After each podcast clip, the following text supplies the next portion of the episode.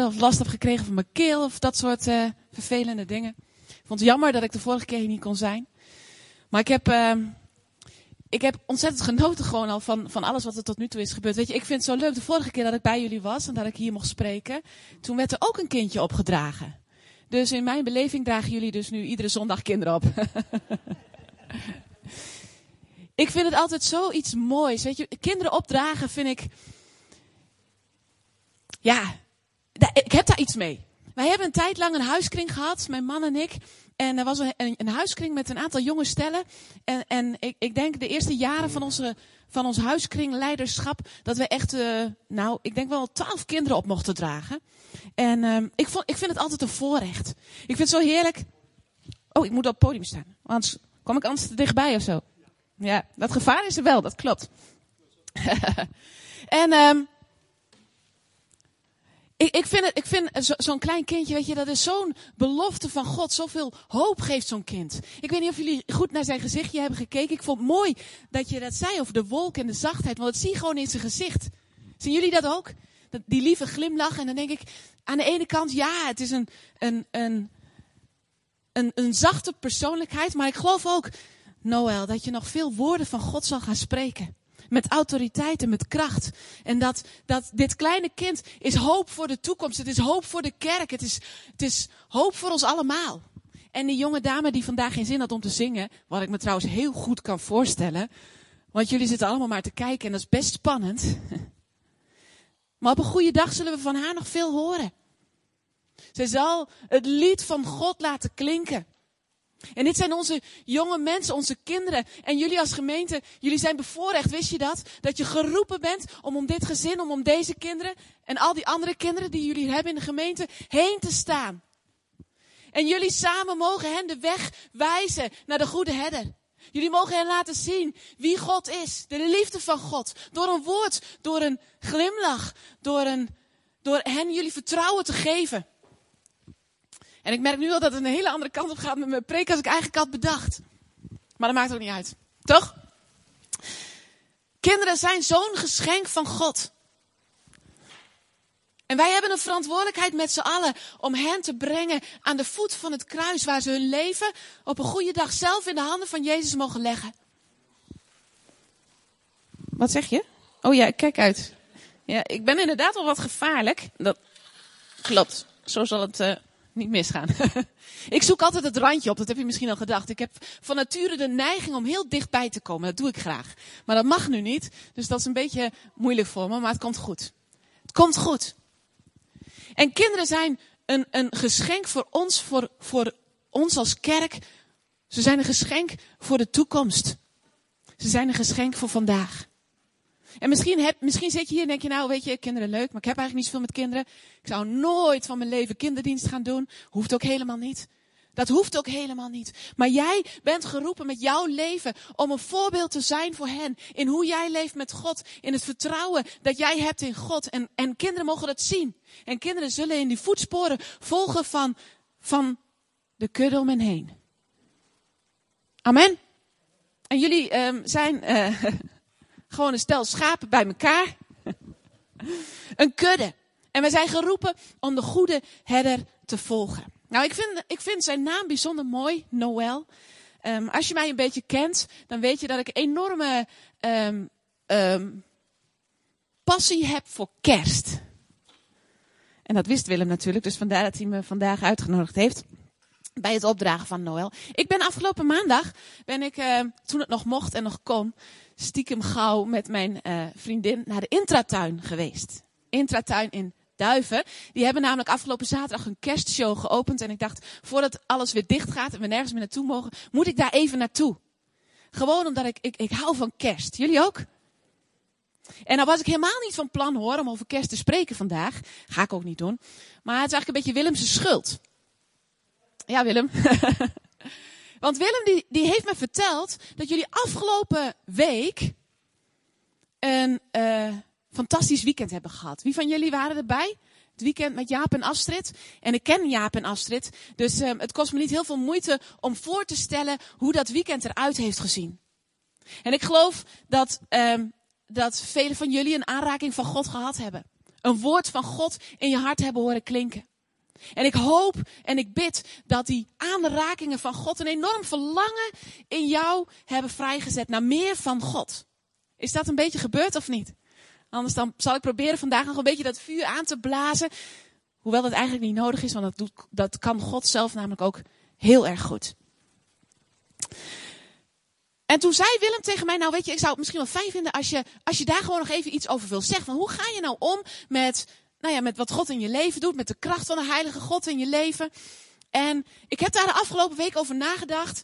En weet je, daar komen er honderdduizend ideeën in me op, want daar zou ik zoveel over willen zeggen. Maar ik weet niet, um, ik denk niet dat jullie de hele zondag hier willen blijven zitten.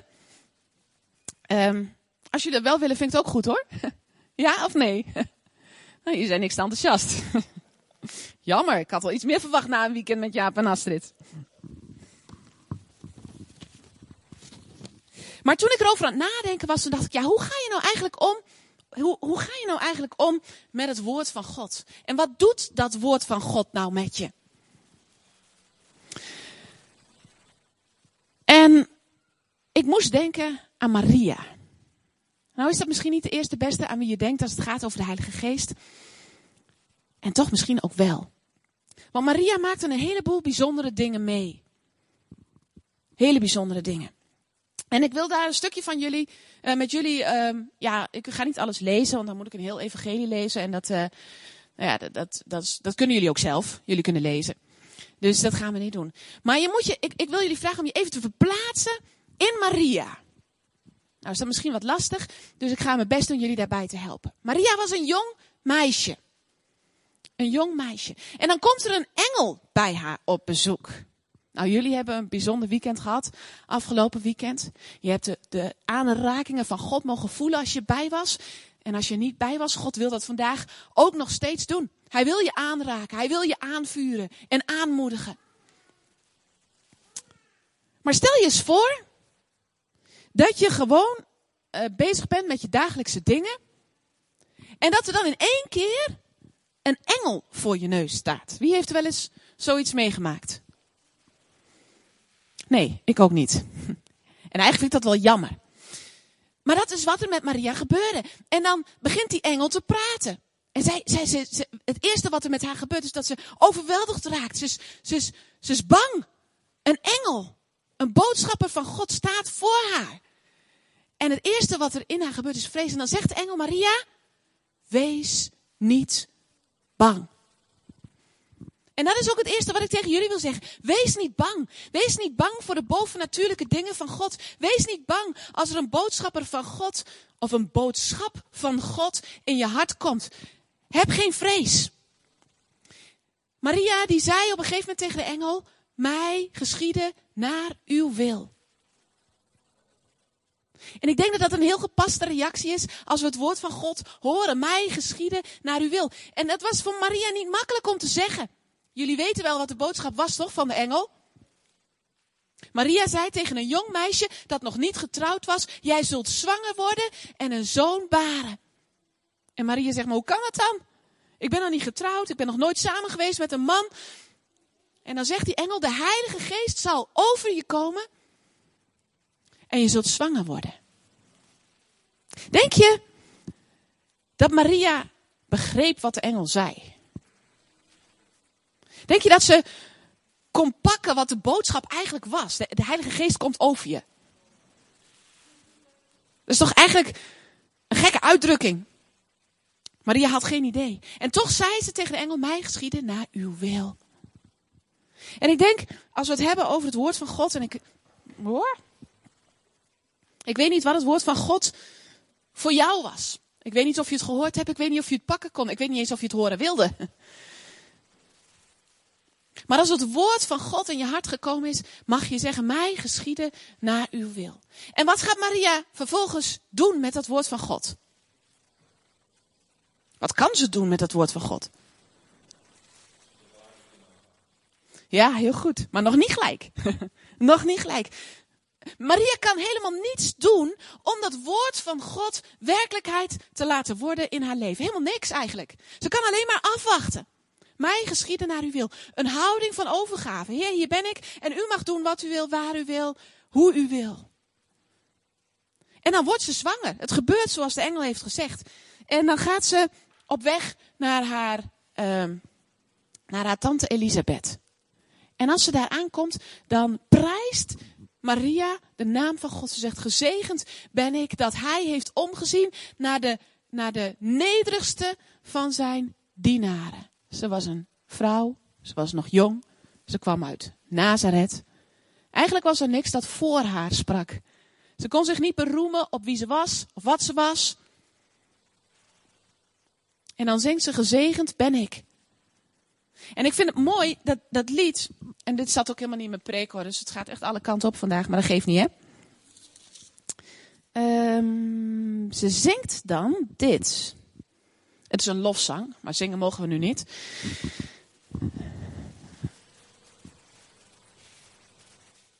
Ze zingt, en mijn geest verheugt zich in God, mijn zaligmaker, omdat hij heeft omgezien naar de nederige staat van zijn dienares. Want zie, van nu af aan zullen alle geslachten mij zalig spreken. Want hij die machtig is, heeft grote dingen aan mij gedaan en heilig is zijn naam. Ze verheugt zich over het woord dat God gesproken heeft. Ze verheugt zich over het wonder dat in haar leven plaatsvindt. En ik geloof dat we dat, dat we, dat we als we een woord van God krijgen, dat we het mogen dat we het mogen horen, al kunnen we het helemaal niet begrijpen. Dat we het mogen aanvaarden. Dat we mogen zeggen, Heer, mij geschieden naar uw wil, ook al hebben we geen idee. En dat we God mogen prijzen, dat we er blij over mogen zijn. Zijn jullie blij over wat vorige week gebeurd is? Is er vreugde in je hart? Is er verwachting in je hart? Durf je te zeggen, dank u wel God dat u naar mij hebt omgezien? Dat is wat Maria zei. En dan, dan trekt Maria het verder. En dat vind ik mooi. In, in, in, aan de ene kant heeft God jou op het oog. Hij ziet jou, waar jij bent, met alles wat jij kan. Met het plan van Hem voor jouw leven. Je wordt geroepen om daarin te gaan staan. Maar dan zingt Maria. Waar is het gebleven? Hier. En zijn barmhartigheid is van geslacht tot geslacht. Over hen die Hem vrezen. Hij heeft een krachtig werk gedaan door zijn arm. En dan gaat ze verder over het plan van God, niet alleen voor haar leven, maar over dat wat, wat, wat God gaat doen, niet alleen voor haar, maar voor de hele wereld. Zij draagt de redder van de wereld in zich. En dat is een eer voor haar. God heeft naar haar omgezien. Maar het is niet alleen voor haar, het is voor de wereld om haar heen. Het woord van God, dat God tot jou gesproken heeft, is niet alleen voor jou. Het is niet alleen om jou op te bouwen. Het is bedoeld dat jij een kanaal wordt van de Heilige Geest, van zijn liefde voor de wereld om je heen. En dan, hè, dan gaat Maria terug naar huis. Ze, ze draagt het kind Jezus. Ze geeft, uh, uh, ze geeft hem het leven. Het kind wordt geboren. En dan komen de herders. En dat vind ik ook zo'n mooi verhaal.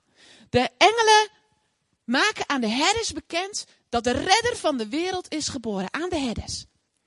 En die herders, die zijn in het veld. En weet je, dit is een verhaal, dat kennen jullie natuurlijk van haver tot God. Dit heb je al zo vaak gehoord. Ieder jaar met kerst.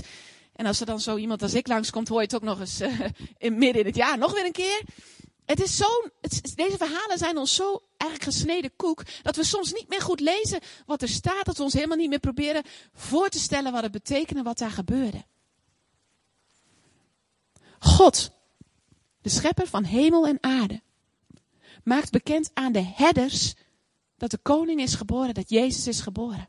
En herders waren in die tijd nou niet dat je zegt de crème de la crème. De herders waren eigenlijk een, een sociale klasse die niet erg hoog in aanzien stond. En God kiest ervoor om aan hen dat goede nieuws bekend te maken. Herders waren niet rijk, herders hadden geen aanzien. En wat doen die herders dan? Wat doen ze met dat woord van God? Ze laten hun bron van inkomsten, hun schapen, achter in het veld. Ze verlaten hun post. Ze gaan op het woord van God, gaan ze kijken of het waar is. Ze gaan naar die stal. En dan vinden ze dat kind in doeken gewikkeld en het hele verhaal, jullie kennen het. En dan is er een zinnetje wat me treft in het hele verhaal. Ik doe uh, sinds uh, anderhalf jaar of zo zit ik, uh, zit ik op een opleiding. Ik doe opleiding theologie. En het eerste jaar dat ik daar was, ongeveer de eerste les, het eerste wat ik hoorde, was dat iemand um, eh, de docent tegen mij zei, alles wat je in het woord van God leest, niets staat er bij toeval. Niets staat er bij toeval. Dat betekent dat ieder zinnetje wat je vindt in het woord van God een betekenis heeft. En dat was voor mij wel even omdenken. Want dat betekent dus ook dat je al die zinnen heel goed moet lezen. En dan staat er dus in Lucas 2, die herders die hebben het kind gezien en dan, en dan staat er, nadat zij het gezien hadden, het kind gezien hadden. Nadat ze gezien hadden dat het waar was wat de engelen hadden gezegd, staat er, toen zij het gezien hadden, maakten zij overal het woord bekend dat hun over dit kind verteld was. Wat was hen verteld over dat kind? Wees niet bevreesd, ik verkondig u een grote blijdschap die voor heel het volk wezen zal. Namelijk dat heden voor u in de stad van David de zaligmaker geboren is. Hij is Christus, de Heere. En dit zal voor u het teken zijn. U zult het kind vinden in doeken gewikkeld en liggend in de kribbe. Wat was hun boodschap? Wat hadden ze over dit kind gehoord? Hij is de zaligmaker. Hij is Christus. Hij is de Heer. En dan staat er, ze vertelden dat overal. En iedereen die het hoorde, was. Weet jullie wat er staat? Iedereen die het hoorde was verwonderd. Nou, dat klinkt mooi, of niet? Weet je, je hoort het woord van God. Het doet iets met je, het brengt iets in beweging. Je, zou, je denkt bij jezelf, zou het echt kunnen? Klopt het? En dan blijkt dat God doet wat hij zegt. En dan ga je dat delen met mensen en dan zijn mensen verwonderd. En dat klinkt fantastisch mooi. Alsof mensen. Ja, hoe klinkt het eigenlijk? En dan staat er in het volgende vers. Maar Maria bewaarde al deze woorden in haar hart en overdacht ze. En dat woordje maar, dat duidt altijd een tegenstelling aan.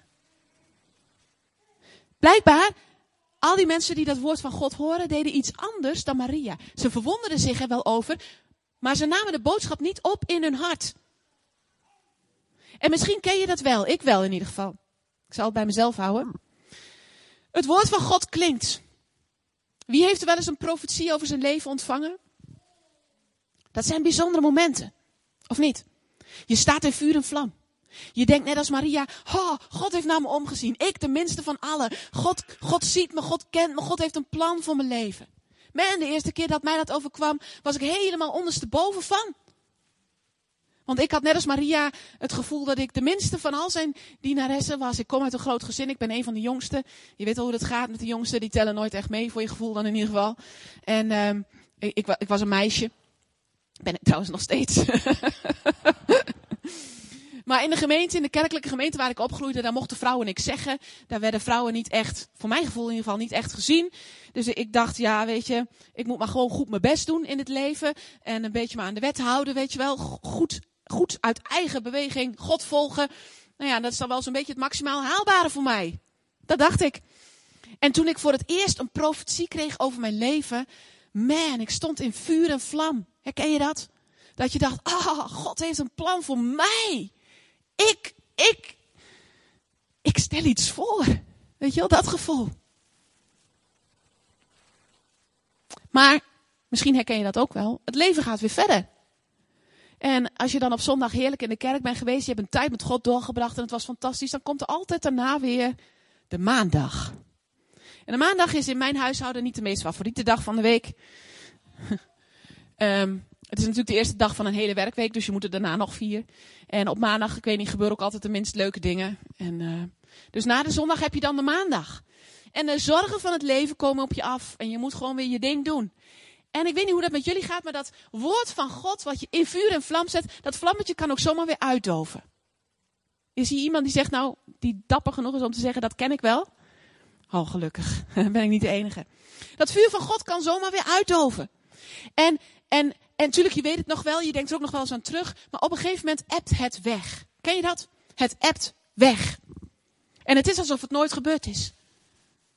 En dan heb je weer een nieuw woord van God nodig en een nieuw woord van God. En God is zo lief dat hij dat nog doet ook. God houdt zoveel van ons dat hij het nooit zal nalaten ons aan te moedigen. En soms voel ik me dan wel eens een beetje zoals die menigte die dat woord van de herders hoorde. Dan kun je trouwens nog allerlei vragen stellen bij dat vers. Hè. Waarom waren ze eigenlijk zo verbaasd? Waarom waren ze zo verbaasd? In Marcus staat dat Jezus toen hij eenmaal opgegroeid was en aan zijn, uit de woestijn terugkwam, dan staat er dat hij aan zijn werk begon. Staat er, hij begon het goede nieuws te verkondigen. En wat was dan dat goede nieuws? Wat zouden wij daarvan maken trouwens, van dat goede nieuws? hey, Jezus is geboren uit de maag Maria. En zoals vele geloofsbelijdenissen dan zeggen, en hij is gestorven aan het kruis voor de zonde van de hele wereld. Maar dat is eigenlijk niet het goede nieuws wat Jezus kon brengen, wist je dat? Jezus vertelt de mensen helemaal niet over zijn wonderbaarlijke geboorte. En hij vertelt ze ook nog niet direct over dat hij naar het kruis moet gaan. Dat vertelt hij op een gegeven moment wel aan zijn discipelen, maar die snappen er niks van. Nee, hij komt om het goede nieuws te brengen. Het evangelie van het koninkrijk. En wat was dat koninkrijk? En nou weet ik dat in deze gemeente een aantal mensen zitten die een enorm hart hebben voor evangeliseren. Klopt dat? Stel je voor dat je de straat op gaat. Je gaat mensen het goede nieuws van God brengen. Wat ga je dan tegen ze zeggen? Wat ga je tegen ze zeggen? Hé, hey, moet je eens luisteren. Het koninkrijk van God is nabij. Kom tot inkeer, bekeer je. Doen jullie dat? Wat zouden de mensen denken als ze dat horen? Nou, daar heb je er weer zo een. Die spoort niet helemaal. Dat zegt de mensen helemaal niks, hè? Helemaal niks. Maar dat was in de tijd van Jezus totaal anders.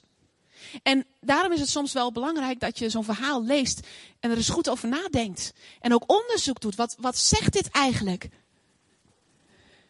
Als je dan bedenkt dat er een volk leefde daar in Israël, het volk van Israël.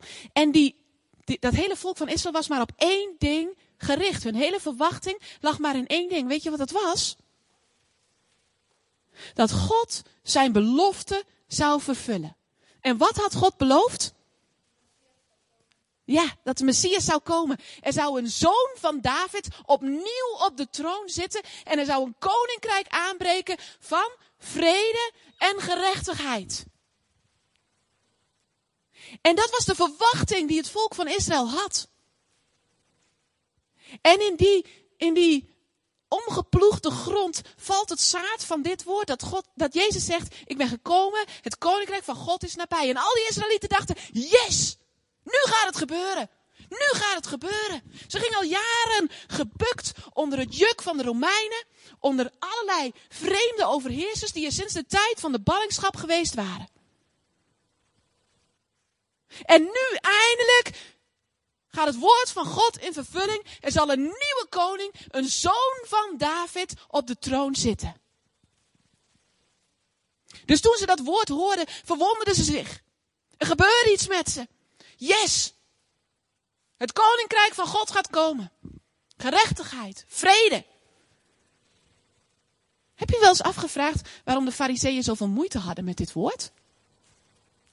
De fariseeën die kennen tenslotte de schriften. Als er één groep in de hele bevolking was die dit had moeten verwachten, die koning, dan waren het wel de fariseeën.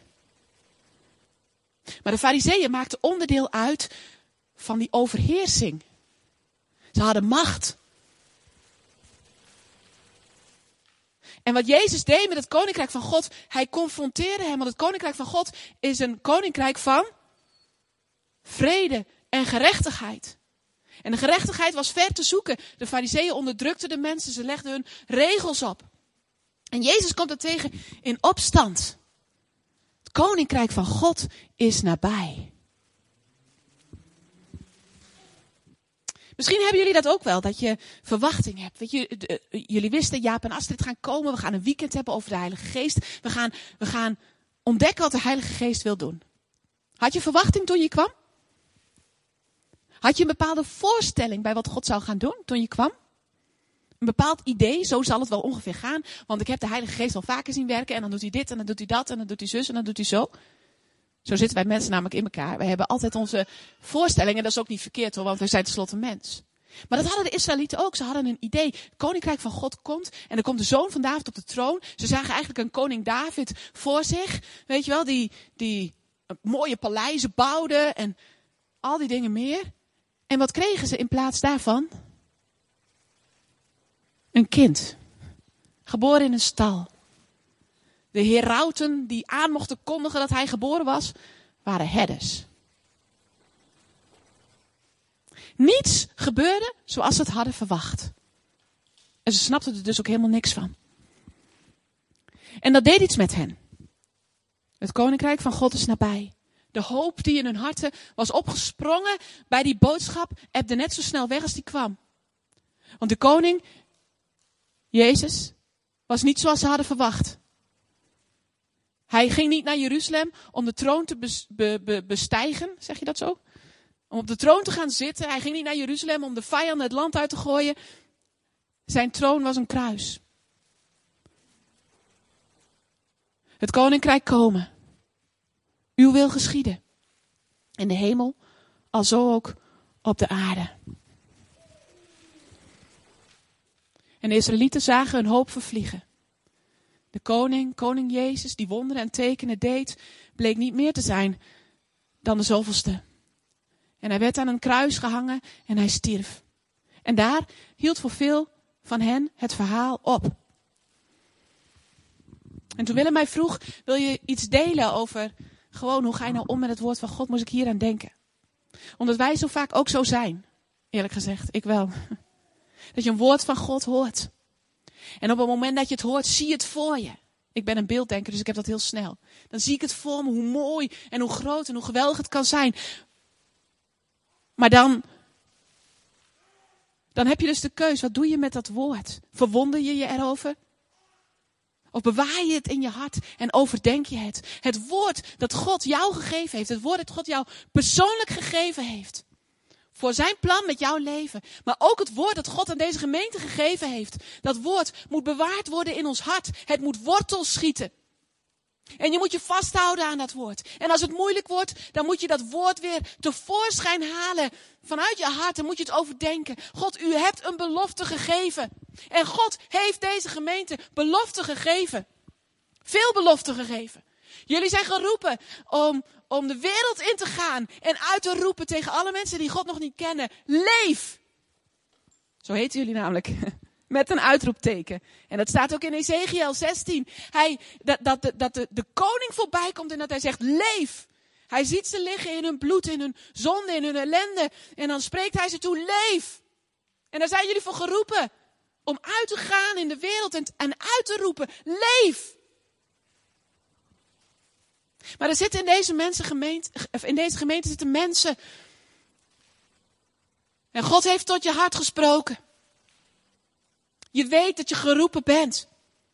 Maar er zijn dingen gebeurd de afgelopen jaren in je persoonlijk leven, misschien in de gemeente. Misschien ben je teleurgesteld in je broers en je zussen die om je heen zitten. En niks van wat God gesproken heeft gaat zoals jij gedacht had dat het zou gaan. En in plaats dat je dat woord van God naar boven haalt om het te overdenken, komen er andere stemmen in je op. Stemmen vanuit je verleden. En ik, ik geloof dat hier mensen zitten die weer vastgepakt zijn door het woord uit hun verleden, wat mensen over je hebben uitgesproken. Woorden die je vernederen. Woorden die je kwetsen. Woorden die je klein maken. Zoals bij mij heel vaak gebeurde. Als ik, als ik op het punt stond dat ik dacht, God, God wil dat ik uitga. Dan hoor ik weer die woorden, ja wie ben jij nou? Wie ben jij nou? Je bent maar een meisje. Je bent een, ja, wij werden, wij werden thuis. Ik heb twee broers, nee, twee zussen. Dan heb ik vijf broers. Dan heb ik een zus boven mij en dan kom ik. Heb ik ook nog een heel jong zusje, maar die was er heel lang gewoon nog niet. ik was negen toen ze werd geboren. Maar in die eerste tijd werden wij altijd genoemd, mijn zusje en ik, wij werden altijd de kleintjes genoemd. De kleintjes. De kleintjes moeten naar bed. De kleintjes dit, de kleintjes dat. En al lang nadat ik uit huis was en gewoon mijn eigen leven opgebouwd heb, hoorde ik dat nog heel vaak. De kleintjes. En dan voelde ik me weer klein. En het was heel vaak op momenten dat ik eigenlijk wist dat ik niet klein zou moeten zijn.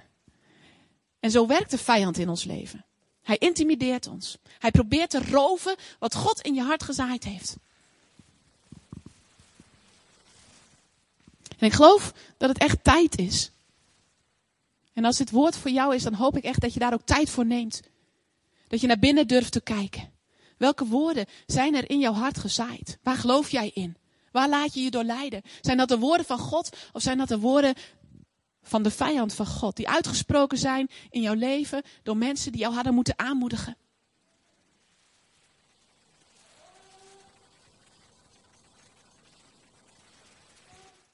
Als die woorden nog in de weg zitten, Jezus vertelt een prachtige gelijkenis over zaaien van het woord. Dat kan je lezen in Marcus 4 eh, volgens mij. En daar, daar, geeft Jezus een aantal redenen waarom het woord dat gezaaid is niet tot bloei kan komen. Omdat de vijand het rooft, omdat jouw eigen grond rotsachtig is. Omdat de zorgen van vandaag en morgen het woord verstikken. En dan is er nog een groep. En dat is de vruchtbare grond. En het zaad wat in vruchtbare grond terechtkomt, dat draagt vrucht. Weet je hoeveel? Weet jullie hoeveel? Kijk, Willem gaat gelijk voor de 100. Hartstikke goed. Maar er staat 30, 60, 100voudig vrucht. Jij bent geroepen om vrucht te dragen. Het zaad dat God in jouw hart gezaaid heeft. Ook het afgelopen weekend, maar ook al daarvoor. Ik geloof namelijk, ik zei het vanmorgen in de bidstond tegen Willem, ik geloof dat God woorden heeft gegeven aan deze gemeente. En ik, ik kan me haast niet voorstellen dat ze nergens opgeschreven zijn. En ik zou jullie willen uitdagen om die woorden nog weer eens tevoorschijn te halen. Om dat gewoon nog eens op tafel te leggen met elkaar. Daarover na te denken, zoals Maria dat deed. Want ik geloof dat jullie op een drempel staan als gemeente. Ik geloof dat er een nieuwe tijd al aan het aanbreken is. En jullie zijn allemaal geroepen om daar deel van uit te maken. Van dat wat God gaat doen. En wat God gaat doen, ja, we hebben het heel over een tweede golf, maar dat klinkt dan niet zo positief. Maar in dit geval wel. Ik geloof dat God een nieuwe golf wil geven met mensen die van buiten komen, die zijn liefde nog niet kennen. Daar zijn jullie als gemeente voor geroepen. Leef. Leef. En ieder van jullie heeft daarin een plek. En misschien denk je, ja, dat zal wel. Willem is hier de voorganger, dus laat hij het maar doen. En ik geloof dat Willem voor deze tijd als voorganger is aangesteld. Maar niet om jullie werk te doen. Ik ken Willem als iemand die ontzettend goed is om de mensen op de juiste plek te zetten en ze aanmoedigen om ervoor te gaan. En ik geloof dat dat de opdracht is die Willem ook hier heeft. Natuurlijk, hij is jullie voorganger, dus hij gaat voorop. En ik ken Willem zijn hart, ik weet hoe verlangend hij is. Maar hij is ook geroepen om jullie aan te moedigen. Jullie moeten op je plek gaan staan. En alles wat nog in de weg staat tussen het woord dat God in je hart gezaaid heeft en vrucht die het mag voortbrengen. Daar zijn jullie verantwoordelijk voor. Jullie zijn niet verantwoordelijk voor het zaad dat het gaat groeien. Daar kan je niks aan doen. Het groeit of niet. God is degene die de groei geeft, zegt Paulus. Maar jij bent wel verantwoordelijk voor jouw grond. Voor jouw stukje grond. En er zitten hier mensen in de gemeente die nog zo'n rotsachtige grond hebben. Er zijn nog dingen uit je verleden die je nog in het licht mag brengen. Er zijn nog woorden uit het verleden die jou iedere keer weer terugtrekken als je ervoor wilt gaan. En je mag breken met die woorden. Spreek ze uit in het bijzijn van een broer of een zus. En zeg, ik keer me af van dit woord. En ik wil het woord van God in mijn leven ontvangen. Dat is de verantwoordelijkheid die wij hebben. Als mens, als christen, als kind van God. Zodat de, grond waarin het woord van God valt, vruchtbare grond is. En wij vrucht dragen. 30, 60. En hier in Zutphen gaan we voor honderdvoudig. Amen. En dat kan niet iemand alleen. Dat kan een oudste team niet. Dat kun je alleen als gemeente samen doen.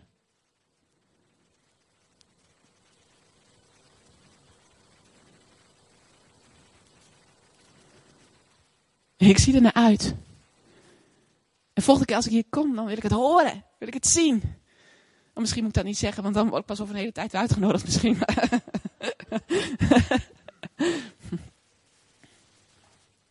wil je dat? Wil je vruchtbare grond zijn? En weet je, het heerlijk is als wij, als wij onze verantwoordelijkheid nemen, als we kijken naar ons leven, wat God aan ons geeft, maar ook aan alles wat in de weg staat en we gaan ermee aan de slag, dan hoeven we uiteindelijk, we hoeven alleen maar verantwoordelijkheid te nemen voor die, voor die grond en niet voor de rest. Dat vind ik altijd zo heerlijk ontspannen. Ik heb wel eens, als ik dan naar zo'n als ik dan hier naartoe, ik heb het eigenlijk altijd. Als ik een spreekpunt ergens heb en ik rijd naartoe, dan stap ik in de auto en dan denk ik, oh, waarom heb ik toch ja gezegd? Had je misschien niet verwacht, Maar zo zit ik in elkaar. Weet je, van tevoren niet hoor. Als Willem dan vraagt, wil je, wil je hierover spreken, ga ik me voorbereiden. En dan ontdek ik fantastisch mooie dingen in het woord van God. Dan denk ik, man, dit moet iedereen horen. Maar als dan in de auto stapt, dan gebeurt iets met me.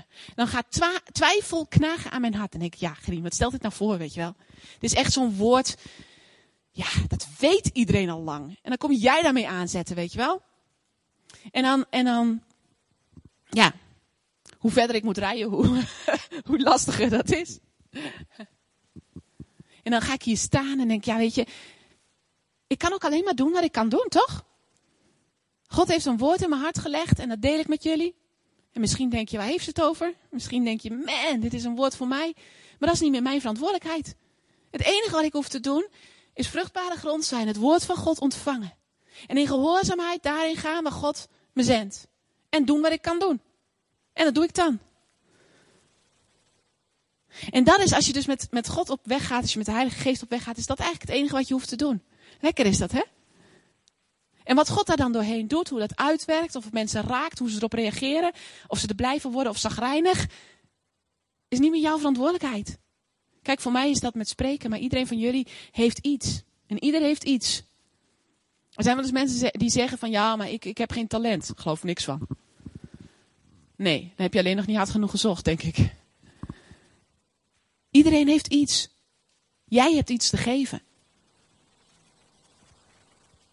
Geloven jullie dat? Soms mag je het eerst ontvangen, het woord van God in je hart. En dan mag je opstaan en je plek innemen. En ik geloof echt, ja, is misschien niet zo heel leuk om te horen, maar ik wil het toch heel graag zeggen. Ik geloof echt dat in deze gemeente heel veel mensen niet op hun plek zijn gaan staan. Omdat ze bang waren, omdat ze twijfelden. Omdat er nog zoveel in de weg zat. En je dacht, nou weet je, Willem, succes jongen. Maar zo werkt het niet. Zo werkt het niet. Wij zijn geroepen als gemeente om in de voetsporen van Jezus te treden.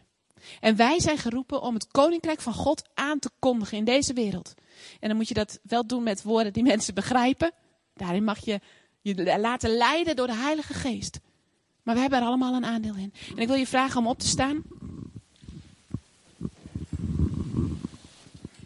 En misschien, uh, Glenn, wil jij wat muziek maken? Ik vind het zelf altijd fijn. Niet dat je nou denkt van, goh, als de Heilige Geest gaat werken, hebben we muziek nodig hoor. Dat is eigenlijk niet waar. Maar ik vind het zelf altijd wel fijn. En dan wil ik voor jullie bidden. Ik wil eigenlijk met jullie bidden. Ik vind, uh, ik vind het altijd een beetje lastig. Het liefst zou ik jullie allemaal naar voren vragen. Dat jullie hier op een rij gaan staan. En dat ik voor jullie kan bidden. Dat vind ik altijd, weet je, dat vind ik zo heerlijk om te doen. Als ik ergens blij van word, is het dat. Dat vind ik dus niet spannend. Nee, dat vind ik heerlijk. Dat ik mijn handen op je mag leggen. Dat ik je mag zegenen. En, en dan hebben we corona en dan kan het allemaal niet zomaar. Dat vind ik echt heel vervelend. Echt heel vervelend. Maar toch wil ik voor je bidden. En ik geloof namelijk ook dat de Heilige Geest um, nog steeds kan doen wat hij altijd gedaan heeft. Geloven jullie dat ook? Ja. Ik moest zeggen dat ik het soms wel een beetje moeilijk vind, want ik wil het altijd zo graag op mijn manier doen. En dan zegt de Heilige Geest, nu gaan we het even op mijn manier doen. Maar hij werkt nog steeds. En ik wil in het bijzonder, dat heb ik al heel lang op mijn hart. Eerlijk gezegd heb, ik dit woord al heel lang op mijn hart. Dus Willem heeft me gevraagd hierover te spreken. En ik weet dat ik, ik ben uitgenodigd in, weet ik veel, april was dat of zo. Toen was corona en net en toen ging het allemaal niet door. En toen had ik dit woord al willen brengen. Want ik geloof echt dat hier mensen zijn die zich laten tegenhouden. Die zich laten tegenhouden om het woord dat God in hun leven gesproken heeft, om dat te omarmen, om dat aan te nemen. En je laat je tegenhouden omdat, omdat je omdat er woorden in het verleden over je zijn uitgesproken en, en die trekken jou terug iedere keer. Je, je, je hebt een woord van God ontvangen. Je bent vol goede moed op weg gegaan, maar vooral uit eigen kracht. En je bent gegaan en toen kwam je op een punt dat het moeilijk werd en je kon niet verder. En die woorden uit het verleden klonken weer op en als een elastiek ben je weer teruggeschoten naar waar je vandaan kwam. En dat deed pijn. En je bent teleurgesteld. En nu heb je een weekend met de Heilige Geest gehad en je hebt opnieuw woorden van God gehoord. En aan de ene kant verheug je je daarover en aan de andere kant denk je bij jezelf, ja, het zal wel. Laat Willem het maar doen. Laat die anderen het maar doen.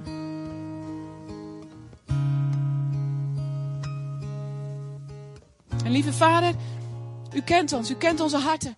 U weet, Heer, voor wie dit woord geldt. U weet welke woorden er uitgesproken zijn in het verleden. Heer, u weet waar de pijn zit. En ik bid u, Heer, lieve Heilige Geest van God, ik bid u dat u komt. En dat u die pijn aanraakt over de woorden die gesproken zijn. Jij zal nooit iets bereiken. Nooit. Wie denk je wel dat je bent?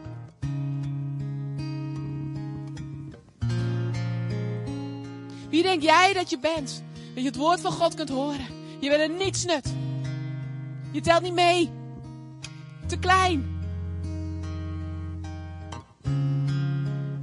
Lieve Heilige Geest van God, ik bid dat u komt. En in de naam van Jezus verbreek ik deze woorden over je leven. En ik zeg je, jij bent geroepen. Leef. Leef.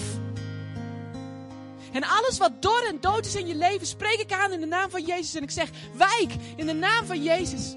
Want het leven van God komt en het vult je nu op dit moment. De kracht van de Heilige Geest komt, ook thuis. Je huiskamer wordt vervuld door de Heilige Geest, door zijn aanwezigheid. Hij raakt je aan en hij zegt, jij bent geroepen om mijn woord te verkondigen. Ik zal je mijn autoriteit geven. Ga uit, verkondig het evangelie. Je hoeft niet op een sinaasappelkistje te gaan staan. Nee, God geeft je creativiteit om het in deze tijd op jouw manier te brengen. In woorden die hij anders zal begrijpen. Hij gaat deuren openen. Hij gaat je kansen geven. Hij gaat mensen op je pad brengen. Laat je tong niet langer vastbinden. In de naam van Jezus. Al deze banden verbreek ik in de naam van Jezus. Zodat het woord van God zal klinken. Coronatijd. Wat stelt het voor? 30 mensen in de kerk. Maar de kerk ben jij. De kerk is jouw huiskamer. De kerk is jouw werkplek. Waar jij bent. Daar kan je het woord van God laten klinken. Zelfs op anderhalve meter afstand. Corona kan ons niet tegenhouden om de liefde van God te delen met de wereld. Zelfs als je mensen de handen niet op kan leggen, werkt de Heilige Geest nog steeds. En jij bent geroepen. Vader, ik bid dat u komt. En dat u uw bovennatuurlijke liefde opnieuw uitstort in die gekwetste harten. Die teleurgestelde harten. Dat het vuur op mag laaien. Heer, dat bid ik u in Jezus' naam. Heilige Geest, ik weet dat u vol van liefde bent. Dat u onze wonden kunt verbinden en kunt genezen. En kunt herstellen. Dank u wel, Jezus. U wel, Jezus. En ik bid, Heer, op dit moment, lieve Heilige Geest van God, dat u in de stilte, als we naar de muziek luisteren, dat u nieuwe woorden spreekt. Dat u die schrijft op de tafel van ons hart. Je bent geliefd. Je bent geroepen.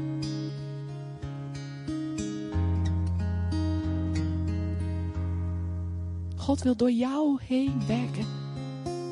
De minste van al zijn dienaren, die zoekt God op. Hij kijkt naar je om. Hij legt zijn woorden in jouw mond. Hou niet terug. Wees niet bang. Dank u wel, Jezus, voor deze gemeente hier. Voor leef. Leef. Zutphen. Het is alsof u het uitroept. Zutphen. Leef. Omarm je schepper. Omarm het leven. Dank u wel, Jezus, dat u dwars door de generaties heen gaat. Dat u dwars door de beperkingen heen gaat. Dat we die nieuwe golf van leven uit uw troon mogen verwachten en mogen ontvangen. In de naam van Jezus. Amen.